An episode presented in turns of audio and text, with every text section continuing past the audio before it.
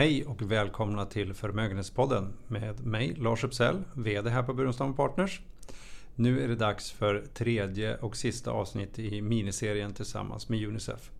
Vi kommer idag träffa Mark Levengood eh, som naturligtvis är en folkkär programledare, författare och föreläsare men också en av Unicefs ambassadörer sedan tio år tillbaka. Trevlig lyssning.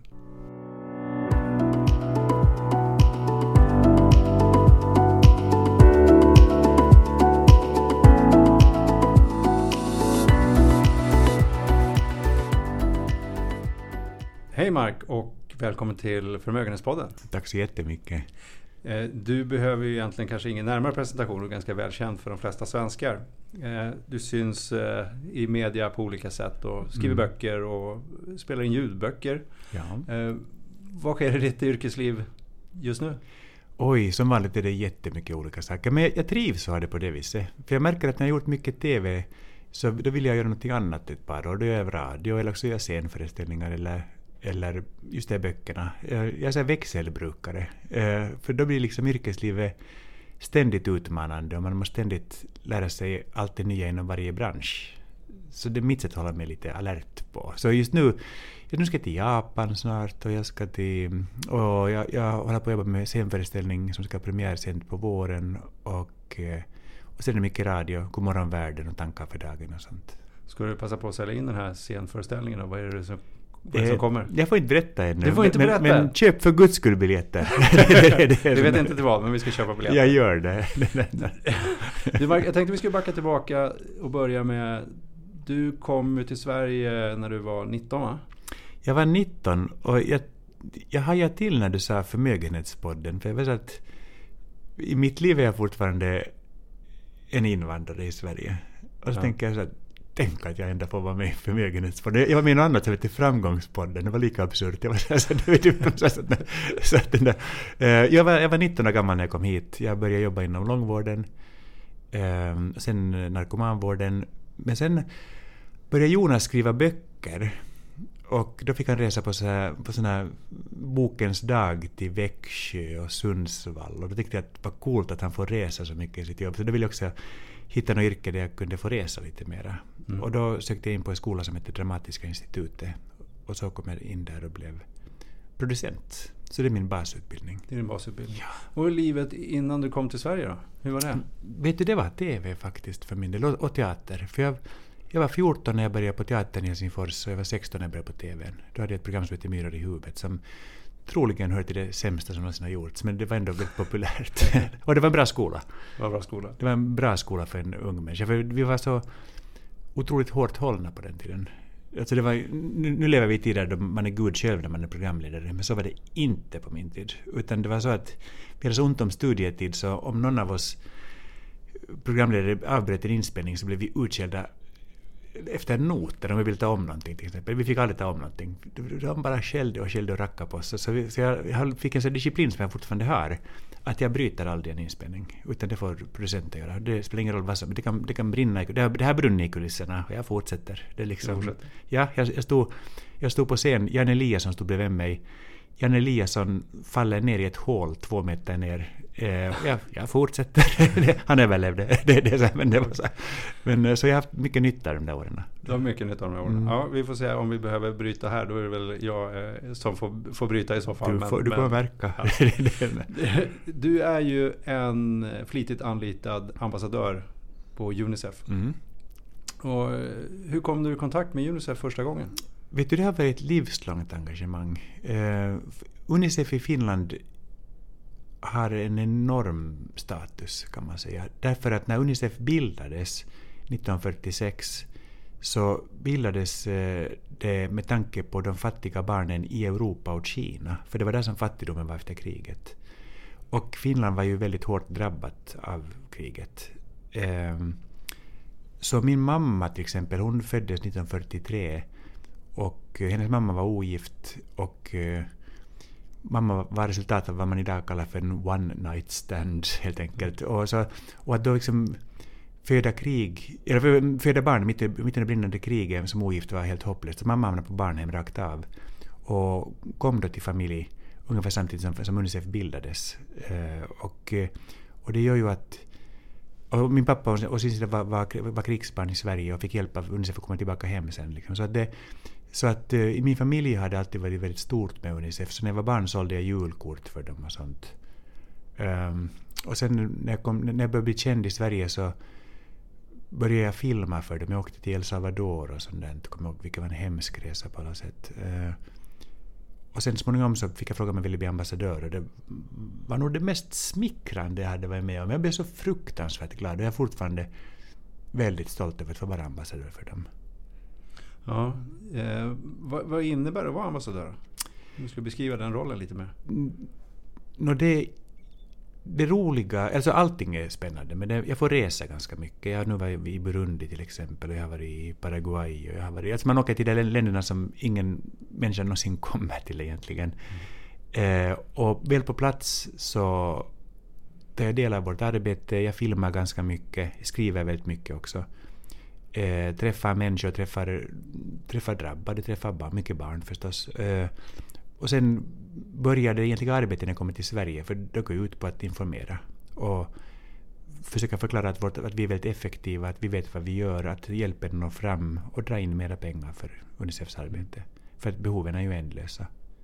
Men, men du kan inte vara ambassadör på heltid för du, du tjänar egentligen inga pengar på att vara ambassadör? Nej, det är inga pengar i det. Nej. Nej. Du har varit, liksom, det här är ju då ett ideellt engagemang mm. eh, och du investerar rätt mycket av din tid. Ja. Eh, och även lite grann själv kan jag tänka mig, det hjärtat är med. Ja. Eh, den här typen av investeringar, du, du, får någonting tillbaka antar jag.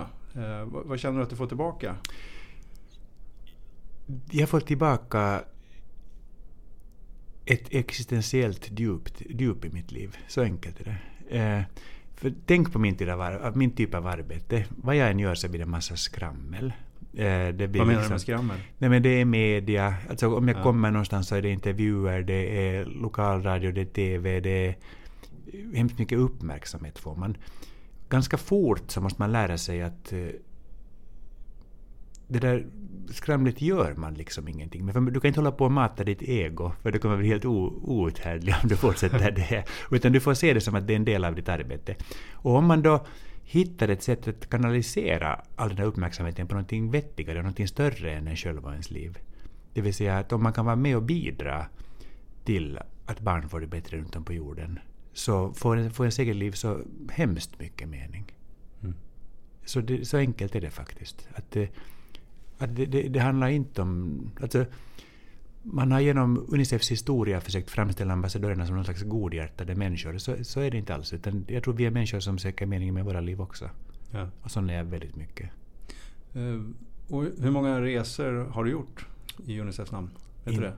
Inte vet jag. Jag har varit, jag har varit, jag har varit i alla världsdelar. Uh, många, typ en per år eller en varannat år brukar jag göra. Ja. Jag ambassadör i tio år, så däromkring. Är det någon speciell resa du skulle kunna berätta om? Jag kan ju berätta. Alltså El Salvador nämnde jag. Ja. Då var inte jag ambassadör ännu, men det var, det var första gången som jag kom i, i kontakt med extremfattigdom. Och de resorna är ju så fruktansvärda. Alltså det för inte, du kan liksom inte föreställa dig. Till lycka hade jag inte barn själv då ännu. Men eh, jag minns vi var, kriget hade just tagit slut i El Salvador och vi var och filmade på en soptipp där det jobbar jättemycket barn. Eh, mycket gatubarn. De, de fick en liten peng genom eh, att sortera sopor där. Och, och på nätterna så gjorde de små kojor liksom, där de sov bland soporna. Men på morgonen kom bulldozern och bara körde över. Och de dog som flugor där. Liksom. Och, det, och det var, de hade ju inget skydd, ingen värn överhuvudtaget.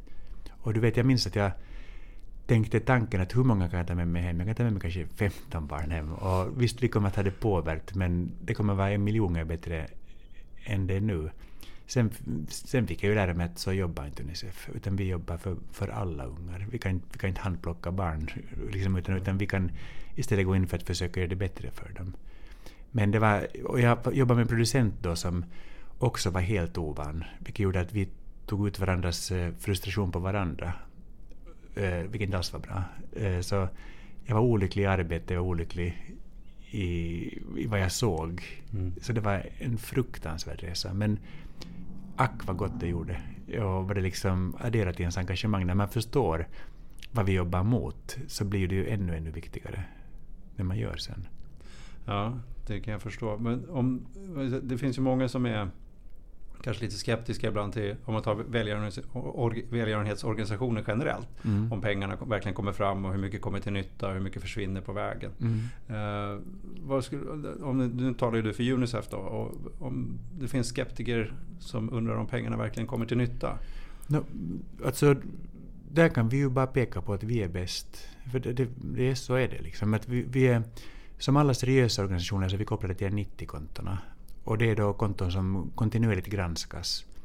Och jag tror att kravet idag är att eh, 75 procent av de insamlade medlemmarna ska, eh, ska nå eh, det som det är ämnat för. Det vill säga att 75 procent ska de facto hjälpa barn. Och vi är uppe i 89 procent. Vilket, alltså att bara 11 procent liksom, transporter, handläggning, eh, överbyggnad, mm, att, äh, pengar att dra in, dra in mera pengar med. Eh, och det kan låta mycket men det är jätte, jättelite. Mm. Så, att, eh, så att vi är helt enkelt världsomspännande och bäst. Därför att vi har, vad blir det nu, snart 80 år på nacken och vi kontinuerligt förbättrar våra rutiner. Vi, vi har ett nätverk som sträcker sig över hela jorden. Det är också, vi jobbar med många som är superbra, alltså Läkare utan gränser till exempel och Röda Korset, de är alla jätte, jättebra. Men om du tar Läkare utan gränser så de, de rycker in på, på, på um, katastrofer. Och de är jättefort på plats, liksom vi också. Vi, vi är snabbt på plats. Men sen när den första katastrofen är över så då, då drar de ju, men vi blir kvar. Eftersom vårt arbete bara börjar där. Mm. Uh, tänk dig, Filippinerna, jag var där nu nyligen och, och det, det drar in en tsunami. Eh, allt slås ut. El, vatten, mat, allt är bara borta. Eh, många av de vuxna var fiskare, de bara dog och lämnade barnen på stranden. Liksom. Alltså helt, helt värnlösa där. Eh, det tar inte många dagar innan sjukdomarna börjar grassera. Eh, och eh, du måste, vi, måste in, vi måste in med medicin, vi måste in med mat, vi måste in med vaccin och vatten förstås. Ehm, sen ett hemskt, hemskt problem just på Filippinerna det är det att, att en vecka senare börjar pedofiler dyka upp eh, på stränderna. Eh, därför att de reser katastrofernas spår för de vet att det finns ingen infrastruktur. Eh, då, måste man, då måste vi skydda dem mot dem. De är lätta att känna igen. Det är alltid en, en medelålders herre sitter på, en, på stranden med en massa leksaker runt sig. Eh, alltså du vet att, att, att förutom liksom naturens grymhet så kommer mänsklig ondska också in i bilden där. Men, men, och sen förutom detta så måste vi fort som attan komma igång med skol, skolutbildningen. Vi smäcker upp våra, våra undervisningstält och ser till att barnen får fortsätta sin, sin skolgång. För långsiktigt är det enda vägen ut för barnen ur fattigdomens skolgång. Så att, eh, och så där jobbar vi på, runt om på jorden. Det här är en utryckning, så kommer nästa utryckning två dagar senare, då är vi där igen. Mm. Så att det, vi har vårt stora centrallager i Köpenhamn och därifrån flyger planerna tätt sen. Jag fastnade med den där, jag fick upp en bild av den här eh, medelålders mannen med leksakerna på stranden. Mm. Ingen, ingen härlig bild. Men, men är, är, polis, kan man ta hjälp av dem eller är de utslagna och fokuserade på den här katastrofen? Så de... Just på Filippinerna är ju inte pedofilbrott... Alltså de, de, har blivit, de, de har börjat ta tag i det nu. Eh, men de, alltså, åren efter Marcos och allting så det var inget som prioriterades alls. Liksom, utan det var mm. ett sätt att tjäna pengar på. Uh, grymt, grymt, grymt, grymt. grymt. Ja. Du... Det, det, det, finns en underbar, nej, inte under, det finns en vidrig bok som heter Rosario är död av Maj-Britt, uh, Maj-Gull Axelsson som mm. handlar just om de här problemen. Det. Och du har ju blivit pappa själv sen du, när du började engagera dig i Unicef så var du inte pappa men du har blivit pappa ja. själv.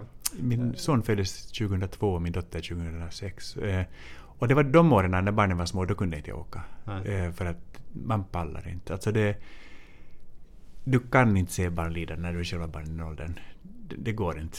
Du, du går sönder. Det blir liksom, du kan, du får, du, ja, man kan inte fokusera på någonting alls när det kommer till sånt. Så, så, men sen, sen händer någonting. Sen blir hjärtat lite, lite lite, lite, lite kraftigare väggar igen, ja. Hjärtat. Och, och, sen så, så nu är jag ute och... Men, men, har det påverkat ditt engagemang på något sätt för Unicef? Bra fråga.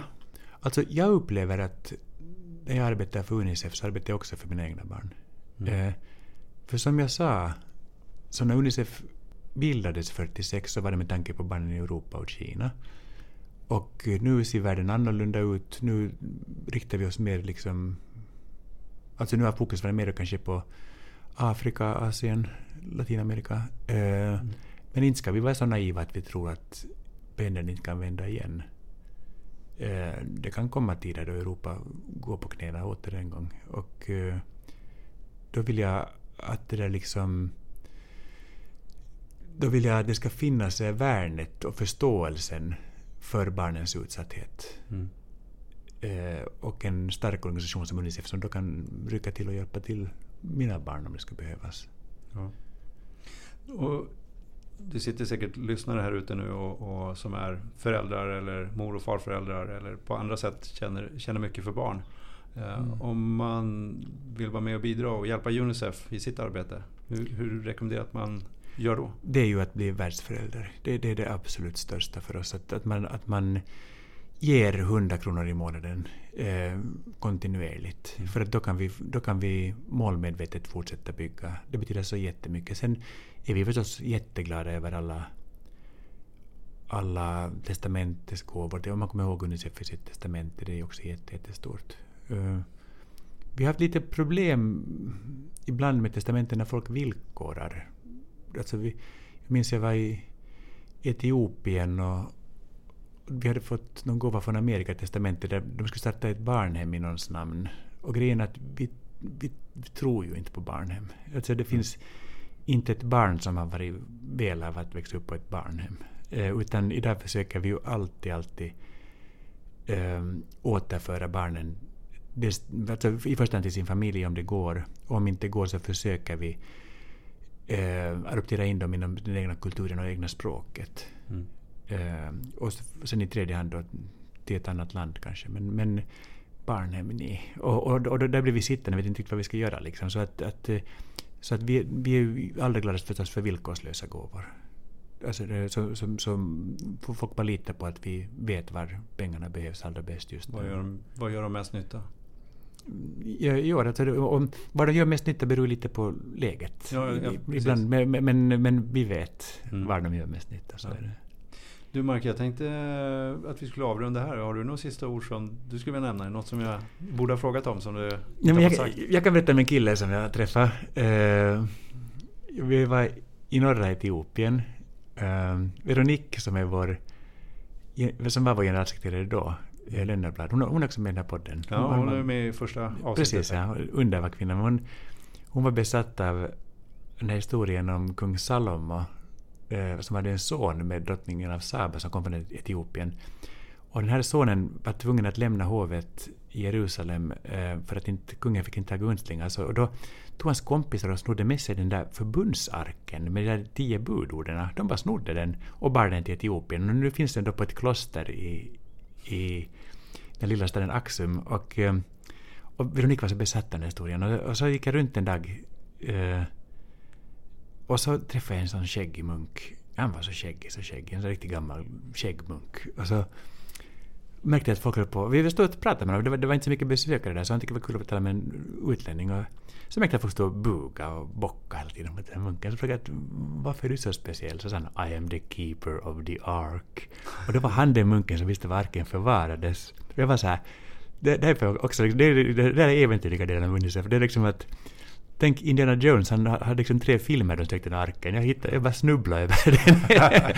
Men Veronique fick inte komma in på området för hon var kvinna, så hon skar tänder. Men det var inte honom jag skulle, det var inte honom jag skulle berätta om, utan jag skulle berätta att i samma veva så var jag ute på ett projekt. Vi, vi hade vi hade fått ihop ett litet bibliotek med blindskrift, så här, så här briéskrift eller vad kallas det. Mm. Och så träffade jag en kille som var 13 år gammal nu och såg ingenting, helt blind. Och eh, så berättade han sin historia att han, hans mamma hade tagit med honom in till stan när han var fyra år gammal.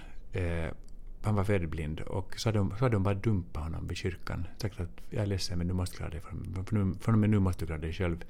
Och så hade han sån himla tur att någon i kyrkan hade tagit tag i honom och så han fick sälja pennor och sånt liksom, så att han ändå överlevde. Och nu var han då 12 eller 13 och bodde ensam men gick i skolan varje dag och eh, var väldigt glad över det lilla biblioteket vi hade. Och jag frågade honom att men om du är blind och ensam så hur vet du när du ska gå till skolan? Och då sa han att, att varje klockslag har sina egna ljud. Så han går helt på ljud liksom och det funkar mm. jättebra för honom. Och så frågade jag honom att vad vill du bli när du blir stor? Så han, han ska bli advokat. Och jag var så här, men om du är en blind pojke som liksom i Axum, hur kan du bli advokat? Han sa, jag kan bli vad jag vill för jag är så himla bra. och det, det, är de där ögonblicken där man blir så här, då man känner att men det här är värt det. Det är värt ja. allt arbete. Det är värt allt liksom. Också all smärta som är kopplad till arbetet ibland. Därför att, därför att vi, vi skapar framtid, det är vad vi gör. Bra slutord Mark. Tack. tack för att du kom hit. Tack. Och tack till lyssnarna för att ni har lyssnat och vi hörs igen längre fram. Tack ska ni ha.